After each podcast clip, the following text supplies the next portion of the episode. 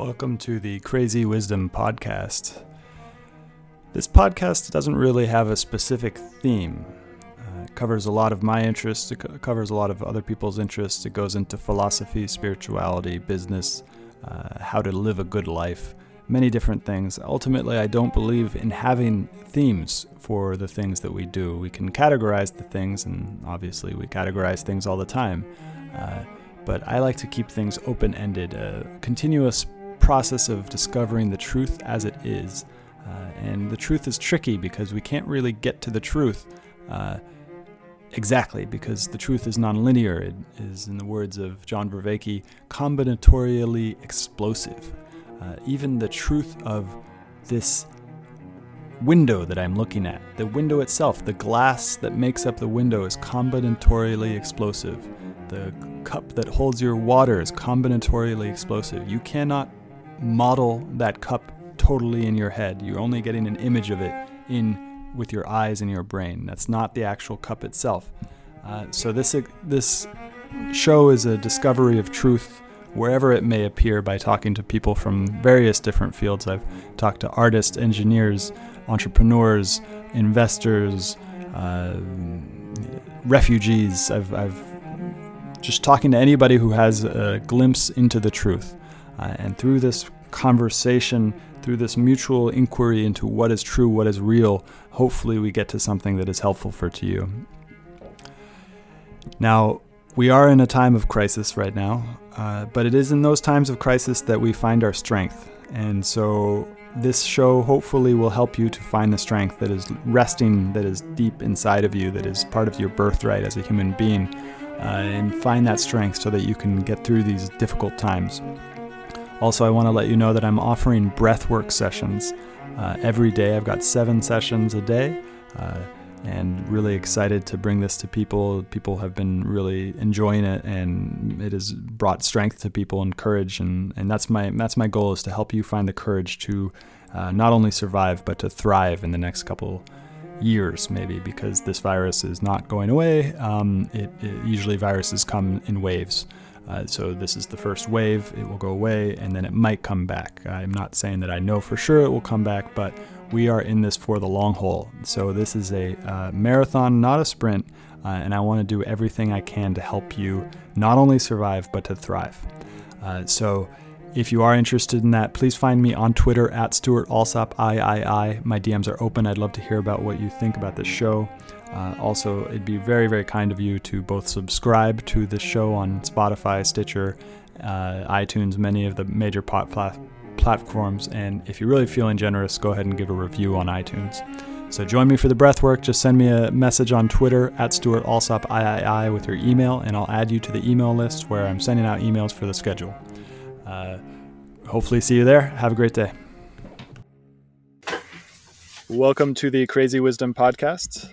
My guest today is Ryan Delk. He is the CEO of Primer, and Primer is a company building products that help people homeschool with superpowers. So, welcome to the show, Ryan. Thanks so much for having me. Yeah. So, last time we talked, we talked about a book. I think it was Creativity Inc., and that was really yeah. fun.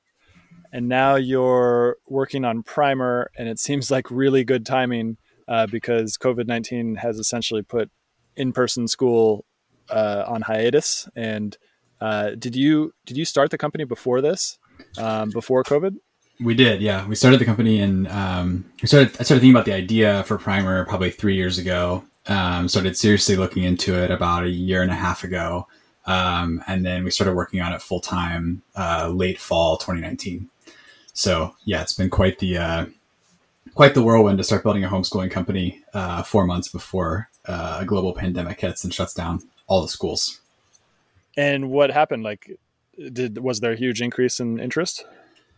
Yeah, we. I mean, we. So we originally, our original plan was to spend about a year and a half building out the product and find a small group of a hundred families or so that we would sort of have on for this inaugural. We call it. We call them our founding families, and we would spend a year basically just having them test the product and really fine tuning it and um, building out, you know, really, really expansive product, sort of a full stack homeschool solution, everything you need to, to homeschool. And then uh, COVID started shutting down schools, and we started seeing kind of, I think it was like early March, that this was going to be, you know, this was going to have ripple effects through education that were going to last for many months or even years.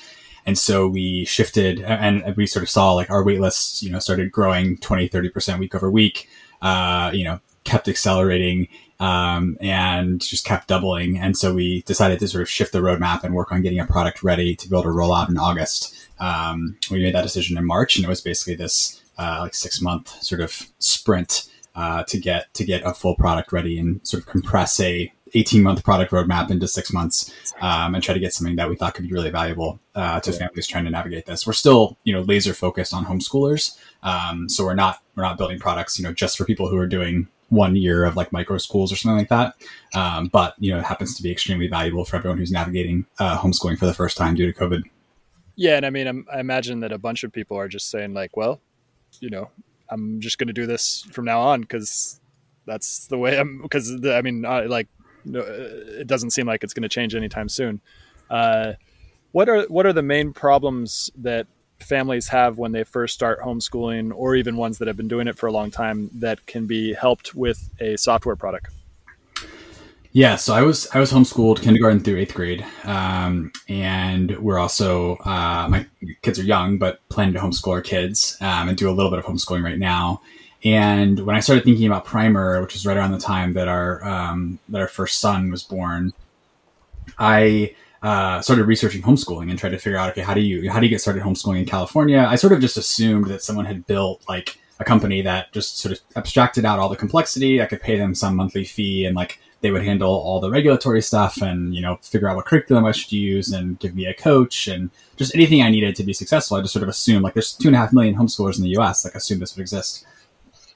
Started doing research and realized that everyone is just reinventing the wheel. Um, and so every state's regulations are different. So you have to figure out what your state's regulations are, uh, which is usually uh, in, in, about half of states, it's extremely complex and extremely hard to figure out. You have to figure out where you have to file forms, what time you have to file them, what the form should say. Hmm. How to homeschool compliantly? What's what study? What courses and, and subjects you have to teach? Um, and then after you do all that, then you have to figure out, okay, how am I actually going to do this? Uh, now, now I can homeschool legally, but how do I actually do it? And so you're trying to find community and trying to decide what curriculum to pick. And are you going to be an unschooler? Are you going to be an eclectic homeschooler? Um, mm-hmm. And so it's just even before you get started with the actual day to day of homeschooling, it's tens or hundreds of hours of work um, to get prepped. And so the activation energy required to start is, is just extremely high. And that was true, uh, you know, 20 years ago and people were homeschooling when I was sort of, um, you know, as part of the homeschooling movement as a student. Um, and it's still true today. And so that activation energy is a lot of what we're trying to solve. And then we're also trying to help, you know, parents who are navigating the day to day experiences of homeschooling. We're trying to give their kids um, really, really robust projects and, and, an online community where they can meet other kids tackle projects they're excited about that align with their interests and also learn a lot along the way. Um, and so that's a lot of, we're focused a lot on that activation energy and then um, helping parents deliver sort of an exceptional homeschooling experience once they start. So there's a family and they want, they decide, okay, we're finally going to do it. We're going to homeschool our kids. And then there's just like a crazy amount of work that is required to get themselves set up but uh, then I imagine there's a lot. You're also going to help with this kind of like longer term issues as well, because that way they can. Is it a paid product? Do, are people paying for this? Yeah, so Primer costs forty nine bucks a month um, per student, and then nineteen bucks a month uh, for additional students within the same family. And um, yeah, we have about two hundred families using it in beta right now, and then we have um, a very large waitlist of tens of thousands of families um, that will start rolling invites to, out to uh, the end of August. And then with homeschooling is you, you mentioned a couple different things like unschooling and other things that I didn't really understand. With homeschooling, is it something where the parents themselves have to teach the kids, or is it something that you know they, the parents could be like, go watch this YouTube video or like take this online course? What's the intersection between online learning and homeschooling? So one of the things that's interesting about homeschooling, and uh, one of the interesting challenges about Primer, a lot of people are like, "Oh, what's the hardest thing about Primer? Is it going to be like you know figuring out some tech problem or figuring out distribution or whatever?" And, and actually, the hardest part about Pro- Primer um, is that you're building a product for a group of people who, by definition, have opted out of being a part of a system, and so they don't want to be part of a homogeneous system that tells them how to educate their kids, and so every homeschooler is extremely different. And so some homeschoolers, um, you know, are extremely academically rigorous and they're, um, you know, every minute of the day is planned out and they're, uh, you know, just extremely like multiple grade levels ahead, and it's all about academic achievement. And they're they're primarily homeschooling because they want their kids to be able to move faster through the traditional academic system than you know a K through 12 education at a traditional school. And then you also have parents on the other end of the spectrum who say, hey, the best thing for my kids is for them to just explore what they're excited about and explore their interest all day, and I'll help teach them things through that. And if, and if I can just help them learn to love learning, then that's all that matters. And those are more on the unschooling um, side of things. And so part of the challenge of primer is building a set of tools and building products that support uh, you know however a parent wants to engage with their kids. And so for some parents that is going to be a lot of online learning and youtube videos and khan academy and um, you know online uh, curriculum. There's some amazing science and math curriculum online. Um, and then for other parents they're going to say hey actually we want we want most of our learning experiences to be through projects. And so we're going to do a lot of project based learning. We're going to go out in the real world. We're going to take trips. We're going to uh, you know we're not going to learn anything through a textbook um, and so it all just depends on the family and it depends on how they're approaching it. Um, but in most cases, yeah, there's there's one or both parents that are sort of spearheading the effort, and they're the ones that are um, you know sort of primarily teaching uh, you know a lot of the content to the kids. Mm. Sounds like there's a bit of a kind of revolution going on in terms of education because that, I mean, there always has been. Uh, it reminds me of Montessori schools and kind of just the freedom that a Montessori school gives a lot of kids, and then comparing that with like the French version of education, which uses the bac and they like highly test administered, highly academic. Um, and it's just so interesting because it also feels like we don't really know what is the right way to help a kid educate because it's like i guess it depends on the goal as a parent and the goal as a kid because if the kid wants to be super successful rise to a high position in, in sort of the the dominance hierarchy of, of civilization, then they need to go to the you know the really good schools and get into that first first time and get everything kind of like squared away from the very beginning. But if your goal is to just give your kid a kind of a um, a, an education, a liberal education in the original sense of the word, like an aspirational, like you're going to change yourself and and maybe not necessarily change yourself to a degree that society will will re- reward or recognize, but you will kind of live a better life um, subjectively. So it sounds like a very interesting world we're entering into where the the old rules don't really apply, and it seems like that's happening a, a, a lot of places. What do you think about that? Yeah, I think what's interesting in education is there's been this uh, there's been a few secular trends that are sort of being accelerated or kind of intersecting with the pandemic. The first is that um, I mean people are realizing that the goalposts of K through 12 education and the goalposts of higher education um, are a little bit off. And so for the you know basically the last 90 years, uh, especially in the United States, the goalpost of K through 12 education was um, you know either getting a job or getting into college, and then the goalpost of going to college was getting a job. And what people have realized is that especially for the you know go to college to get a job, um, there's lots of other paths to that end game. Um, and for them, the K through 12 side, they've realized that especially in the last 30 or 40 years, when college has been, you know, a, huge emphasis for K through 12 education and private schools essentially judge themselves by how many kids they get into good colleges. Um, people are realizing that maybe that isn't the right goalpost for a K through 12 education. That's not the right the right way to judge the quality of a K through 12 education. And so I think what's happening is that parents and students are realizing um, and the pandemic is sort of accelerating this. Uh, that there's a lot of uh, there's a lot of other sort of dimensions to evaluate an education on, and a lot of other benefits of education. And so we think about education like the ideal education for any child is an education that helps a K through 12 education that gives them the best chance of reaching their potential, whatever that is. And for every student, that's going to look different. And I think that's one thing that's missed on. You know, there's a lot of haters of the traditional education system, particularly the public school system. Um, and I actually have a lot of empathy for public school uh, teachers, especially. I think public school teachers are heroes for the most part. Um, and I think they all, they're, you know, most of the public school teachers I talk to are spending tons of time and their own money often to try to give a great education to kids. But we're trying to design a system that, you know, f- effectively will educate tens of millions of kids uh, in, in basically the exact same way uh, with very high ratios of students to teachers. Um, and it's just extremely challenging. If I, if any of us, if we tasked any of us with like, hey, design an education system that can educate 20, 30, 40, 50, 60, 80 million kids um, a year, like you just, you would just not be able to do that in a way that is, you know, scalable to that level and it's going to deliver exceptional outcomes. And so I think homeschooling is really powerful because it allows parents and kids to opt into a system where they can tailor their learning experience to them. Um, and every kid is so unique and their strengths and their weaknesses and um, you know how, what they like to engage in and what they get excited about are, are all different. And so my dream with primer is that we help you know for the students that it is a good fit and it's not going to be a good fit for everybody but for the students that it is a good fit and the families that it is a good fit we give them the best shot of having an exceptional homeschooling experience that gives the kid the best shot of reaching their potential. Cool. Um, it's what you just said there reminded me of a novel by orson scott card uh, called ender's game have you read ender's game I read it a very long time ago, and I have extremely fond memories of reading it. But I uh, am very pretty fuzzy on the details. So Ender was a, a an exceptional kid who made his so the Earth was being attacked by aliens, and then Ender was this kid who was an exceptional kid who they pointed out as like this guy was going to save the Earth, save yep. the world, um, and so he was put through rigor, rigorous training, and part of that rigorous training was a an AI. Um, virtual world that he was put into and the um, ai basically taught him and it was completely tailored to the individual. And so what you were saying there kind of maybe made me think about how in the future like what is the role of AI in educating our children? Do you have any insight into that? Are you guys using any AI to to help with this? So our stance right now is that um, we're, we're very actively not trying to replace teachers with technology. So we are all about empowering students and empowering parents to have great education experiences. And so our view of technology right now is that it's it should be additive and supportive, and it should be you know things that help augment the experience or improve the experience in some way for the, the kid or the parent or both.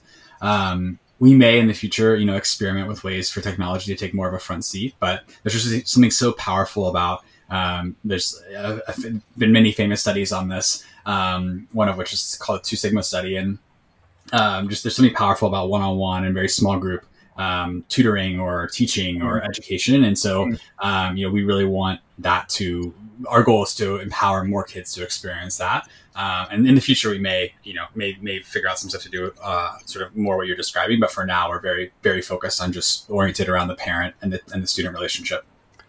And that's interesting for me. I grew up with a lot of learning disabilities and I never, I never, uh, never flourished in a classroom setting. Mm. I flourished with more one-on-one and this is part of the reason why i do the podcast is so that i can ask my questions immediately and get immediate feedback and um, and it's i do a lot of coaching and and the ways that technology opened that up to me in ways i was not expecting was actually through zoom um, i started to learn in march once the pandemic hit i started to learn survival skills. Um, and I was learning from this woman in Colorado, and she was teaching me on Zoom how to tie knots. Uh, and it was That's definitely not, it was not easy. It was uh, uh, the hardest the hardest probably thing to learn on Zoom, but I was a- able to learn how to do it and put up um, a tarp and do all these different things, and it just opened up my mind to like now I can just sit at my home and turn on a video call and learn about anything from anywhere. And technology has opened that up, but not in the way that I was expecting of like Ender's Game type of AI, like the actual computer is teaching me. It's like, no, it's just the pipe that connects me with the teacher, basically. So it sounds totally. like you're doing something similar. Um, that's cool. Well, what are you what are what are you going to do if it's not too personal? What are you going to do with your kids? Are you going to be more of an unschooler, or are you going to do more of uh, uh, that academic type of, of goalpost? So I think it'll depend a lot on the kid. So right now, um, our oldest son, so he is uh, he's just very excited about learning, um, and so we kind of just let him um, he's too young, or he's younger than what you would typically do like kindergarten or um, sort of like official pre-K for. And so he's really excited about Spanish right now. And so I found a, a Spanish tutor via Zoom actually um, that you know specializes in like mm-hmm. Spanish lessons for young kids. And so she, we do sessions with her, and um, I've never you know told him that he needs to do Spanish or said, hey, you're going to learn Spanish. He just he has a friend that speaks Spanish and got really excited about it and just is obsessed with Spanish now. And so I think that's that's kind of like our dream is that there's there'll be a lot of things like that. He loves construction and learning about tractors, and so he spent tons of time learning about all the different kinds of tractors and why you know why some tractors have wheels versus some tractors have tracks that they go on and how tracks you know create more friction and um, you know the weight distribution. And allows them to go over different types of terrain. And so it's it's all up to me. It's like all about what he's excited about. And um, he loves numbers and he loves math, and so we spend a lot of time. You know, he loves to like figure out how to add and subtract and you know play numbers games. And so right now we're just really focused on what he's excited about and what he's interested in. And I think soon we'll start thinking about like he really wants to learn how to read. It's pretty obvious, and so we might start thinking about sort of more formal stuff on that side. Um, and then I think certainly with math, like he's really really excited about math, so we'll probably start you know talking about more formal kind of like traditional like curriculum type stuff on that side but it's largely for us going to depend on the kid. And um, I think we will never be like the full unschooler side just because of the way my wife and I were both educated. And, um, you know, I think we both really enjoy, um, you know, engaging with our kids. And so far, it seems like they're, you know, at least our oldest is very excited about that kind of stuff. So um, we'll, we'll see based on, you know, each kid as they grow up. Mm. And then, what is the future of a credential in terms of homeschooling? How how are homeschoolers traditionally credentializing? I mean, I guess it depends on the state and the state regulations because the state actually requires some credentials, right? So yeah, homeschool. I mean, so it depends on the state to some extent, but also like homeschoolers have been you know going to college and um, mm. doing all the normal sort of higher ed stuff for decades. So there's no issues there in terms of like getting diplomas or any of that kind of stuff. One of the things that I'm uh, that we're really excited about, and one of my sort of personal like things that I would love to accomplish through Primer is sort of rebranding homeschooling. Um, and I think people that that do homeschool through like for example K through 12, if you choose to do that, actually have a really often have a very exceptional body of work that if you wanted to either get a job or get into college and you knew how to present that well mm-hmm. and articulate that well and package it up well, it actually is, you know, in a lot of cases, I think far more impressive than going to the best, you know, prep school um, and so one of the things that I'm really excited about is, and one of the things we want to do is like whether a student's goal is like, hey, I want to open a small business when I graduate high school, or I want to go get an internship at Stripe, or I want to, you know, go be, uh, you know, go be an aide on on uh, in DC and learn about politics, or I want to go to Harvard, whatever it is, we want to help you do that if you're excited about it. And so I'm really excited about building sort of an engine for helping kids figure out how to get access to those things and achieve those things. And so I think a lot of our, uh, you know, at some point, a lot of our work will shift into, okay, we sort of got the K through 12 experience down. How do we go unlock these really valuable experiences for kids and help, you know, build systems that package up their work in ways that helps, makes it really legible to higher education institutions or potential places that they go do internships in high school or things like that. And so that's part of what I get really excited about is I think homeschooling is really misunderstood for a lot of people. And, um, if, if we can help it, help it be less misunderstood, um, I think that can be really powerful. Yeah, that, I like that because that points to something I've been really interested in recently. Is that the there's this interesting thing, thing that happens with cultures where in the 1970s, you know, if you wanted to go into Harvard, there was a very very clear route of what you wanted to do. I'm imagining this. I'm not totally sure, but I imagine there was a very clear route that you would do in order to get into Harvard and extracurricular activities and all this different stuff. But now we're in this world where we can kind of create very easily, um, and we can also show the results of our creation very easily. So, um, and so it's, but it's not only that; it's also the it's more accepted on the employer side as well. Like, well, this is the job. Can you do it? Um, okay, that thing that you did before on YouTube kind of seems like you can get this thing done. So yeah, let's this this makes me trust you a little bit more. So we'll do this one month kind of thing to see whether you can actually do it. Um, and so there's seems to be the credential itself as the deciding factor of employment seems to be changing and it's it's in a similar way to what happened in San Francisco and Silicon Valley in terms of equity because before equity in a company so if, if I were working at a company I would get equity in that company um, like if you go to places like Brazil or uh, Indonesia or um, even you know France, like the idea that you would get ownership in the company isn't as big there. But then in Sil- Silicon Valley, it, it, it changed that, and then it changed it everywhere else in the world, everywhere else that they wanted to do startups as well. Um, so it's an interesting mix of like culture changing and then the um, acceptability of certain things changing. And it sounds like you guys are onto that as well. Yeah, totally. Mm-hmm. That's cool. So, what is the biggest misconception that most people have about homeschooling? That's a good one. There's, I think there's a lot of misconceptions about homeschooling. I think the biggest one is, uh, if I had to pick one, I would say that people assume that the majority of homeschoolers are driven by some sort of religious or deeply held ideological belief. And that was certainly true uh, very early on, and is you know something that uh, drove a lot of homeschoolers in the 80s and 90s. Um, but uh, now, actually, there's a study that came out recently that 84% of homeschoolers do not uh, like do not cite religion or political or ideological reasons for their, being their top reason for homeschooling. Um, and the top reasons are things like uh, you know believing they can give a better academic experience to their kids, or their kids struggling uh, in certain classes or not feeling like they got the support they needed in school, or their kids are excelling uh, in certain things and the school isn't able to move fast enough. These are the drivers uh, of homeschooling, being able to travel more. There's all sorts of reasons. Um, and so I think that misconception is, uh, you know, I think still unfortunately very tied to the brand of homeschooling, but um, you know, a, a, tiny slice of homeschoolers are actually, you know, driven by that.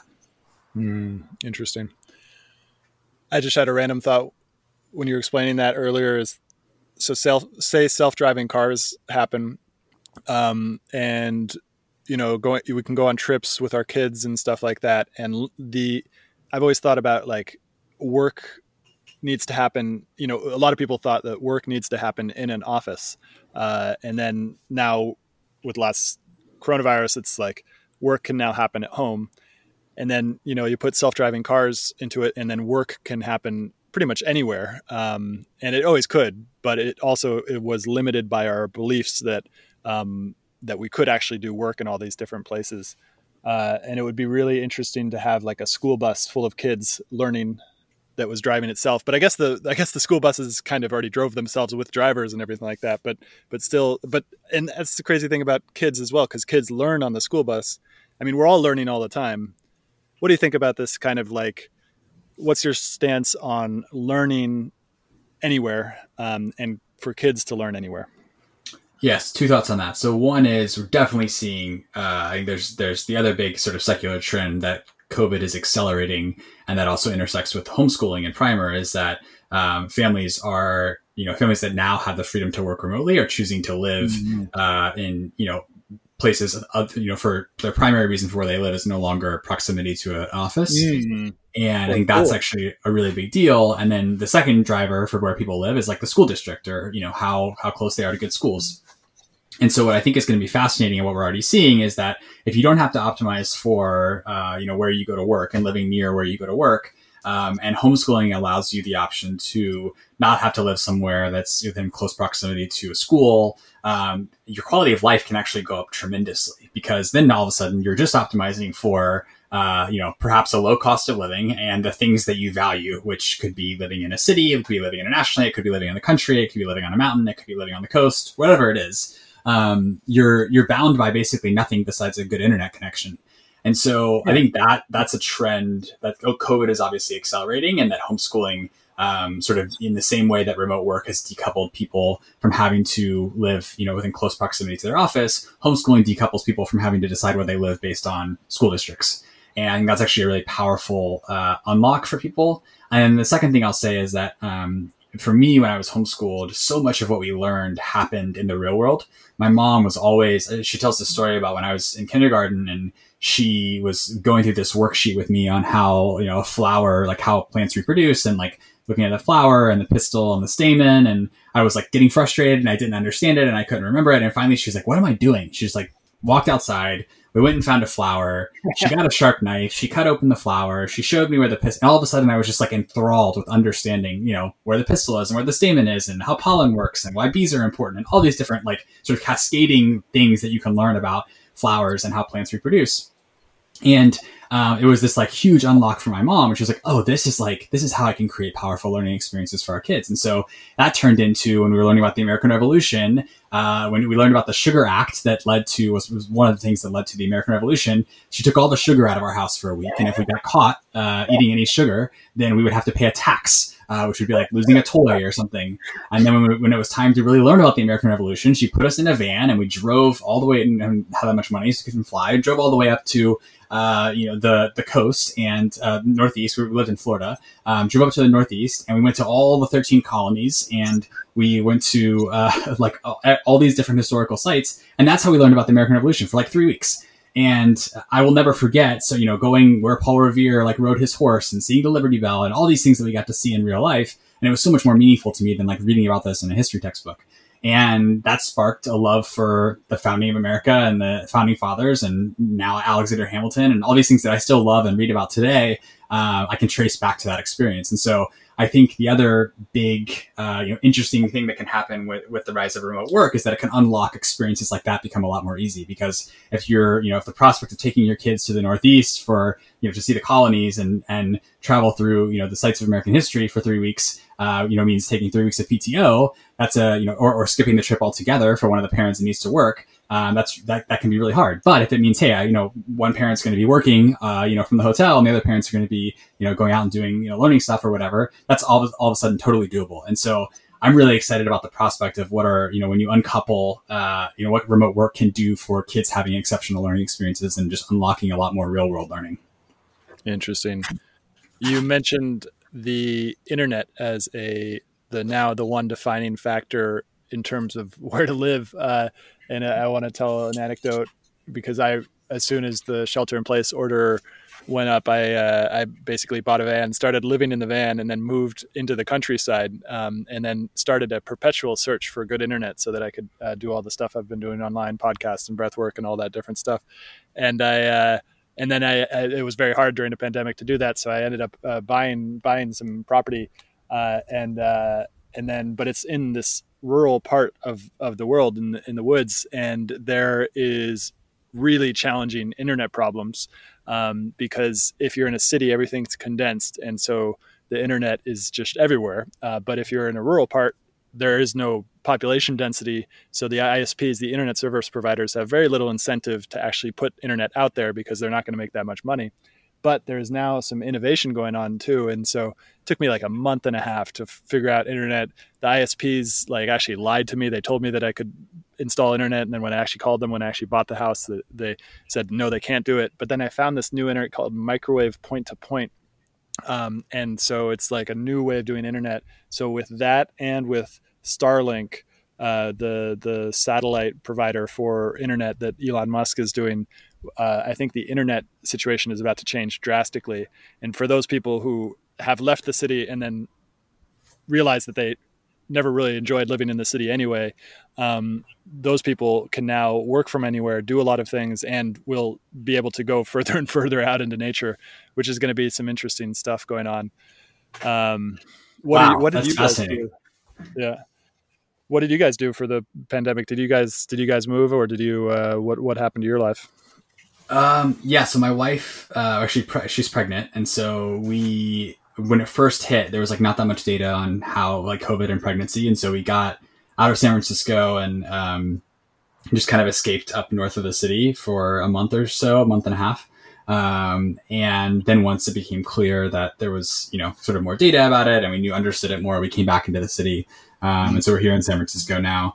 Um, and it's actually been, I mean, obviously it's, it's hard in a lot of ways. Um, but I think San Francisco has done an exceptional job, um, in their response for the most part. Um, and there's like, you know, a lot of great restaurants with open air dining now and, um, you know, a lot of things that you can like great takeout. And one of the coolest things has been, um, seeing all the commercial food distributors, like the people that, that source like super high quality fish and veggies and different things for restaurants opening up direct to consumer. Um, this is just a random anecdote has nothing to do with homeschooling, but um, so you can actually now buy. I think it's happening in a lot of cities. You can actually buy like fish that you would never be able to get access to. That like all the best sushi restaurants in San Francisco buy their fish from. You can just go to that distributor and buy fish. In some cases, they'll even deliver it to your door. Um, and so that's been super fun. Just and I, you know would love if that sticks. Uh, I talked to one distributor who said they're they're now busier and making more money um, now than they were pre-COVID. You know, they were, they were obviously you know, really concerned that they were going to lose their whole business when all the restaurants shut down, and they opened up direct to consumer, and everyone's cooking at home, and so it's pretty amazing to watch like the market shift, and uh, you know, obviously it's great for everyone. Um, you know, and so that's been super fun for us to be able to get really high quality, you know, food that we wouldn't be able to get otherwise to cook at home. And so, do you think this change that has happened to homeschooling or and you mentioned the mini school or school pods and stuff like that. How much of it do you think this is permanent? You know, say in a year, COVID's away, uh, COVID's gone away, and we're, um, you know, people move back into cities and and life goes on. How much of the this do you think is permanent, and how much of it is it just temporary? So I, I, very much believe that the majority of people are going to go back to whatever school situation they had, uh, you know, pre-pandemic, whenever they feel like it's safe to do so. Um, I, I, don't think you're going to like in three years you're going to see 60% of the population homeschooling, but I think you will look back and see a step function, sort of like step function growth. Um, there's you know pro- there's not perfect data on this, but there was probably about three million homeschoolers in the U.S. Um, when COVID hit, and I think you'll see a step function, whether, you know, homeschooling's been growing at like three, four, five, six percent year over year. And I think you'll see a step function in like 2020, 2021, 2022. You know, maybe it's 5 million or 6 million and it's sort of like a new floor um, there that the base will grow off of. And perhaps you see accelerated growth for a few years as well. Um, but I think that for the most part, you know, most people are going to choose to go back to uh, most meaning, you know, like literally more than 50%. Um, but I do think we'll see a lot of families, we're already seeing this, uh, a lot of families commit to long-term homeschooling after seeing that it benefits their kids and, um, you know, might benefit their lifestyle with remote work and a variety of other factors. Mm. And what is the balance? Because I mean, uh, education and school system, it, to me, in my understanding of the school system, the school system was set up so essentially so that parents could go to the factories during the day, and and and a lot of schooling was essentially childcare. Um, and so now we've got the schools all shut down, and then all the parents started working from home remotely. And I'm sure there is some benefit to that for the parents because they get to see their kids more and they get to hang out. But then it also can be quite challenging as well. But probably homeschoolers have dealt with this the entire time. Well, no, homeschoolers probably had jobs that they went to.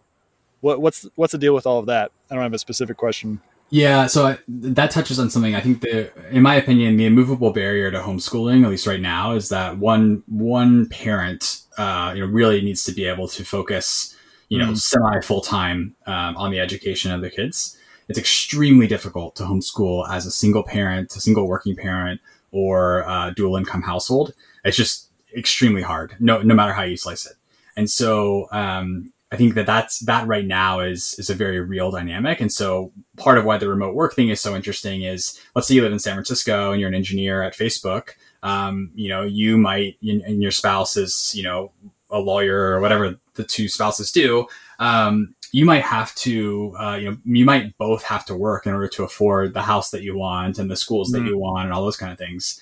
But if you can work remotely for Facebook and still make 200, 300,000 dollars a year, whatever the number is, and you can move to you know a farm in Boise, or you can move to wherever you want to move to, um, and have a great quality of life on a single salary. All of a sudden, it might be really easy for one one of the two partners to you know stay home uh, or quote unquote stay home and you know focus on education of their kids. And so i think that's that's the remote work dynamic here that's interesting. And then long term um, we're going to be working on some things that make it easier for parents who want their kids to have a homeschool like experience um, but don't want to actually homeschool their kids. We'll we'll work on enabling that but that's going to be mm-hmm. down the line for us. Mm. that sounds really interesting. Um because have you started to see any other kind of products that are out there? I actually had an idea in the beginning of the pandemic to start like tutoring kids over Zoom and stuff like that, or actually like show them like guide a a 13 to 18 year old child through the internet to like figure out if they have a goal they want to learn something show them how to how to actually go through that. Has anything popped up like that? Yeah there's been tons of uh, you know tons of companies that have popped up and sort of side businesses and real businesses and all sorts of things. Um, but I think that the the interesting thing is I think the people that focus on like pandemic specific problems, so these companies that are mm-hmm. popping up to build like school pods, for example, um, I think can be really valuable during the pandemic, but you're almost certainly going to see 80, 90% user churn whenever it's safe to go back to school and it's just extremely difficult to build any business and you know be anti-fragile enough to be able to sustain 90% user churn in either a marketplace business which most of them are um, or even just you know a, a, sort of normally structured business and so um, i think that there are there's a lot of value to be created in sort of the short term over the next year or two and perhaps just a lot of you know you can you can help a lot of families um, but I think it'll be very hard for those to be like durable businesses mm. um, if, if you want to, you know, work on it for three, five, 10, 15 years. And so that's part of why we are focused, you know, really uh, sort of on the red hot center of homeschooling. Um, and we're not, you know, building something sort of specifically for COVID. And we're building, you know, we're building in some ways for the 3 million people that were homeschooling before COVID and the 3 plus million that'll be homeschooling after. And we just also happen to believe that it can be really valuable for the, you know, 80 million uh, people that are trying to navigate, you know, education with schools closed and so that's that's sort of our our perspective on it. Mm-hmm. And then, how has it been actually building the product? In what ways is it more challenging or less challenging uh, to build a product during a pandemic uh, when everybody's working remotely? Were you guys already remote? Um, and like, what? How did that affect what you're building? Did it make it easier or harder? So uh, yeah, I'm actually, despite seeing the tailwinds for homeschooling through remote work, I'm actually a big fan of of in person work, especially early on at companies. And so we were uh, we were all co-located in San Francisco. We actually signed an office lease and got the keys four weeks before the shelter in place uh, hit. So it's extremely difficult, I think, at the early stages of a business to be remote, and uh, I don't recommend it. Uh, I think it's just there's so many hard problems to solve. There's so many conversations to have so many whiteboard sessions that you need to be able to you know think through and late nights at the office and all sorts of things that are just I think much easier in person. Um, but I think we you know we were able to adapt and I think we sort of made do and and um, luckily I have friends that run remote companies very successfully and like you know have great cultures and know how to do brainstorming sessions and so I texted a lot of them and was like how do you do this uh, and so I was able to learn learn from the best and that was that was super helpful um, but we're definitely very eager to to get back in the office. Interesting. Cool. Well, so last couple minutes, has there been any question that I didn't ask you that I should have asked you? That's a good question. I've never been asked that on an interview before. Um, I think, given your, given, uh, given what I know about you, I think you might be interested in the in the incentive structures. I think of public schools are quite interesting um, and how that leads to, I think, uh, the student outcomes that we see, and how in some ways um, teachers, like the incentive structures for teachers, are really, really, uh, I mean, not only very poor, but also like the wrong incentive structures for the outcomes that we want. Mm. Um, so that might be an interesting thing to talk about. Um, yeah, that sounds really interesting. What are the inst- incentive structures of a public school? So i am fascinated by this because um, it, teachers essentially have asymmetric downside, mm. which is like I would argue like the worst in any sort of incentive structure. That's probably the worst possible um, incentive structure to have, especially when it comes to uh, like you know people's lives or or you know humans that you're trying to create some outcome for. Because uh, if you think about it, like teachers, if you let's say you're, you're teaching a class of 20 students and um, you know a certain number, depending on the school district, a certain number of them are failing. Um, the worst case scenario for you is that you literally get fired and lose your job. Um, let's take the inverse. Let's say a certain number of them, depending on the school district, uh, are like excelling and are actually doing extremely well. Maybe they, they like, you know, get shifted into, uh, you know, accelerated for certain subjects or, you know, in high school, they get shifted into honors or AP or whatever. Um, the best case scenario for you is like, uh, depending on the school district, uh, a, a, very, very tiny raise or bonus. And in most districts, that's not even possible. Um, or some sort of like, uh, you know, a modicum of recognition in some way locally or an award or whatever. That's like literally the best case scenario for you.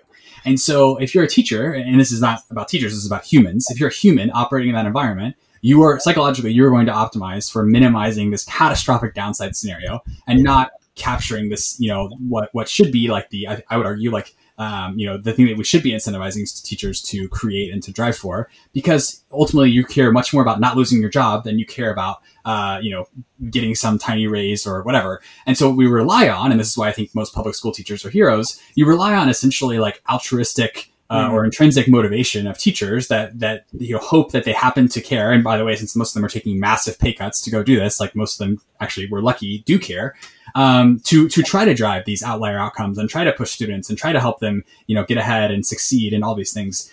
Um, and so I'm fascinated by the idea of a like how did you get to, how do we get to this incentive structure? Because if you just look at it from a purely incentives perspective, you can see that it's flawed. Um, and then two, what would it actually look like if you if one or two school districts and I was actually just found a study yesterday. Um, some school district in Seattle actually tried a version of this, and I haven't read it yet, but I'm really excited to read it. Of basically flipping that incentive structure on its head mm. and seeing what happens. Hmm. there's obviously all sorts of reasons, like you don't want kids, um, you know, who might have a learning disability or different challenges to fall behind. There's all sorts of reasons why you also want, you know, teachers to mitigate the downside and ensure that students aren't falling behind, and you know, not just optimize for the outliers. But it's very interest, interesting to consider, you know, as a, at a society level, what would happen if there is if we designed a different system with different incentive structures Um, and so I think in some ways that sums up, I think, why homeschooling can be really powerful in both directions is um, as a parent, uh, you know, I am my my the way that I think about incentives and outcomes uh, for educating my child is very different than uh, you know what you would think about for for educating a collective group of children. And mm-hmm. so I can optimize. You know, there might be some subjects where I'm optimizing for mitigating downside for uh, you know my child, and there might be other subjects where I'm op- optimizing for maximizing upside and acceleration and getting them ahead. And so I think that I'm fascinated by that, and I, I'm really excited to read this study on the Seattle school system because I, I think uh, it would be interesting just to see what happens when those things are flipped. Do you remember what the name of the study is? I don't. I will email to you uh, sure. after this. That'd be really interesting. Awesome. And so, where can our, our listeners find out more about uh, what you're working on and what you're doing? Uh, yeah, so Primer is at www.withprimer.com. Um, we're at withprimer on Twitter. Um, so definitely, uh, you know, if, if, you're interested, feel free to sign up and then send me an email, um, ryan at withprimer.com um, and happy to help get you access. And then if I can ever be helpful uh, with anything, I'm at Delk, D E L K on Twitter, um, or that's my email address. Feel free to email me uh, if I can ever be helpful. Uh, I will try to be. So at Delk on Twitter, at D E L K. Cool. Thank you so much, Ryan. Awesome. Thanks for having me, Stewart. Yep. Hope you enjoyed this episode. I'll be publishing episodes every Monday, Wednesday, and Friday in the morning. If you did enjoy this episode, please find us on iTunes, Spotify, Stitcher, many of the major podcasting platforms, and go ahead and give us a review. And also subscribe. And as always, I'm on Twitter at Stewart Alsop III. Come join the conversation as we aim towards the truth. And the funny thing about truth is that you can't really put it into words because every time you put the truth into words, you create a linear narrative out of something that is nonlinear. The truth is nonlinear. It's not. It's. It's. If you really recognize the truth right now, your mind wouldn't know what to do. It'd be overwhelmed by beauty, pain, or it's.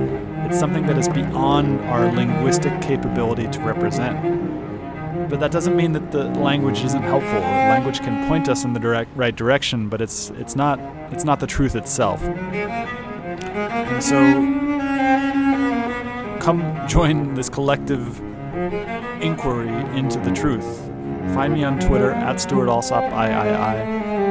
Subscribe to the podcast. Share the podcast with your friends. Uh, most people don't have the ability to let go of this linguistic understanding of the way that the world works and just aim for the truth, regardless of what the language tells us. Uh, and so I think what I'm doing with this this show is is necessary for us because as we enter this stage of uncertainty, uh, and we are most definitely entering an age of uncertainty, and as we do, it's really really important that we stop paying attention to what the mind is telling us all the time It doesn't mean to say that the mind doesn't have its place. The mind obviously has its place, but it's just one of the senses. It's just one of the tools that we can use. We can use the mind, we can use the feelings, we can use our actual senses. Uh, we can check our intuition with other people because sometimes the intuition tells us the wrong thing as well. Sometimes the intuition is wrong. So we can't we can't rely on any one tool to get us there. So come join the show. Find us on iTunes. Find us on Twitter at Stewart Alsop III, uh, and come join the, this inquiry for truth.